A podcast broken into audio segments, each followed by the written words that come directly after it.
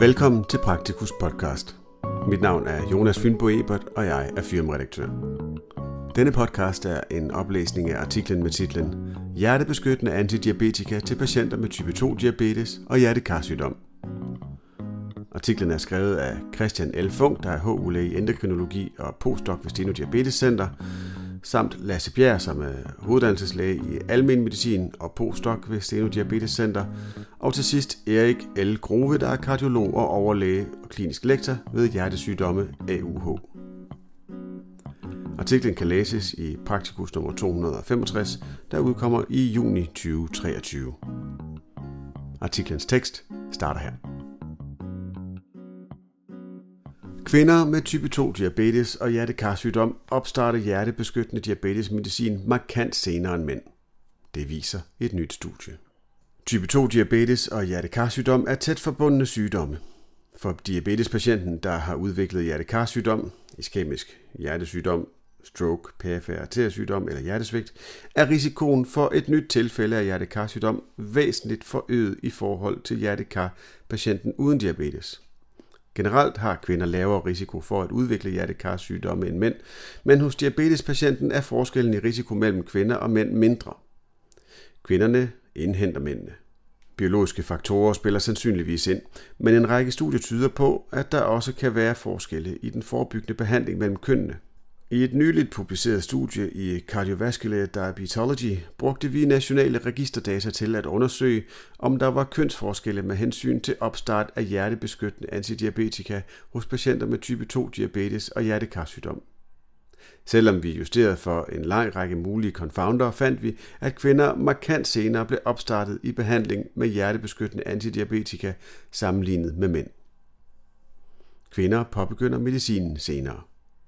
Siden 2015 har store kliniske lægemiddelforsøg vist, at glucagon-lignende peptid-1-receptorer, agonister, GLP-1 receptoranaloger og sodium-glukose kotransporter 2 inhibitor, SGLT2 inhibitor, beskytter mod nye tilfælde af hjertekarsygdom hos patienter med type 2 diabetes og hjertekarsygdom.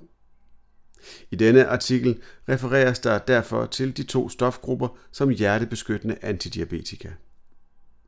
Den beskyttende effekt er lige god, om man er mand eller kvinde. Og siden 2017 har danske og europæiske behandlingsvejledninger anbefalet diabetespatienter med hjertekarsygdom at blive behandlet med et af de to farmaka.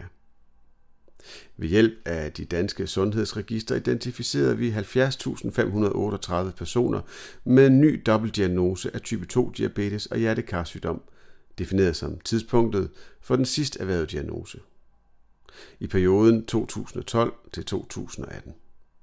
Studiets primære mål var at undersøge kønsforskelle i tiden til opstarte hjertebeskyttende antidiabetika efter en ny dobbeltdiagnose med type 2 diabetes og hjertekarsygdom.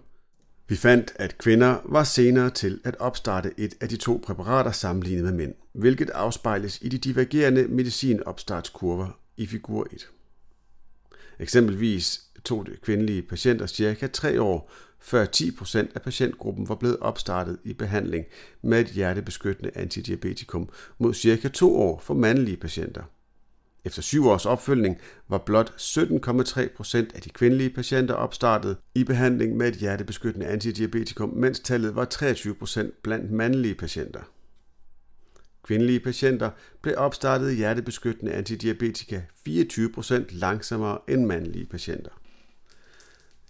Efter statistisk justering for alder, diabetesvarighed, kalenderår, uddannelsesniveau, HbA1c, LDL-kolesterol, EGFR, lipidsænkende behandling og blodtrykssænkende behandling fandt vi fortsat, at kvinder blev opstartet 8% langsommere end mænd. Vi fandt kønsforskelle i opstartsrater uanset typen af hjertekarsygdom, men mest udtalt for patienter med iskemisk hjertesygdom og hjertesvigt. Forskel har mange årsager. Vores resultater viser betydende kønsforskelle i opstart af hjertebeskyttende antidiabetika for patienter med type 2 diabetes og hjertekarsygdom og indikerer forskellige årsager hertil. Når vi justerer for en række faktorer, som kunne have betydning for resultaterne, indskrænkes kønsforskellen. Eksempelvis er kvindelige patienter med en dobbeltdiagnose ældre end mandlige patienter, hvilket ser ud til at være en vigtig del af forklaringen. Mens også kvindernes gennemsnitlige lavere uddannelsesniveau, lavere HbA1c og EGFR samt mindre medicinering med anden medicin ser ud til at forklare en del af kønsforskellen. Efter statistisk justering finder vi fortsat en 8% forskel i hastigheden på opstart, og det kan der være andre årsager til. Kvinder kunne have en højere forekomst af sygdomme, som kunne udgøre en relativ eller absolut kontraindikation for opstart af et hjertebeskyttende antidiabetikum, eksempelvis urinvejsinfektion, dehydrering og hypotension. Ydermere er negative livsstilsfaktorer såsom rygning mere udbredt blandt mænd, hvilket kan påvirke lægens beslutning om at intensivere den forebyggende behandling. Endelig kan faktorer på kulturelt og strukturelt plan være medvirkende årsager til kønsforskelle i opstart af forebyggende medicin. Eksempelvis forskelle i sygdomsopfattelse, læge-patientforhold og udformning af hjertekar-rehabiliteringsprogrammer. Tolkningen af studiets resultater skal også ses i lyset af studieperioden 2012 til 2018, altså en periode, hvor begge stofgrupper var relativt nye på markedet, og hvor indikationsområderne og forholdsreglerne løbende er blevet rettet til i takt med ny forskning på området.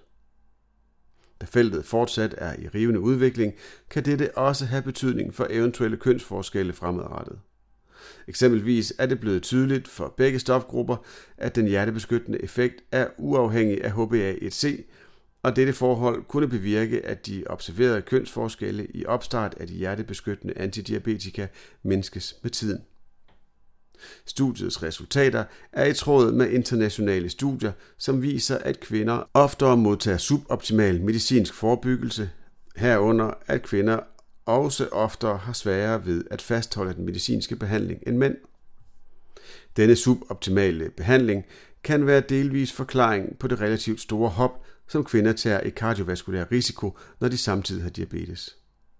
Samtidig kan studiet være med til at øge bevidstheden om potentielle barriere for opstart af forebyggende behandling hos kvinder og mænd med type 2 diabetes. Artiklens tekst slutter her.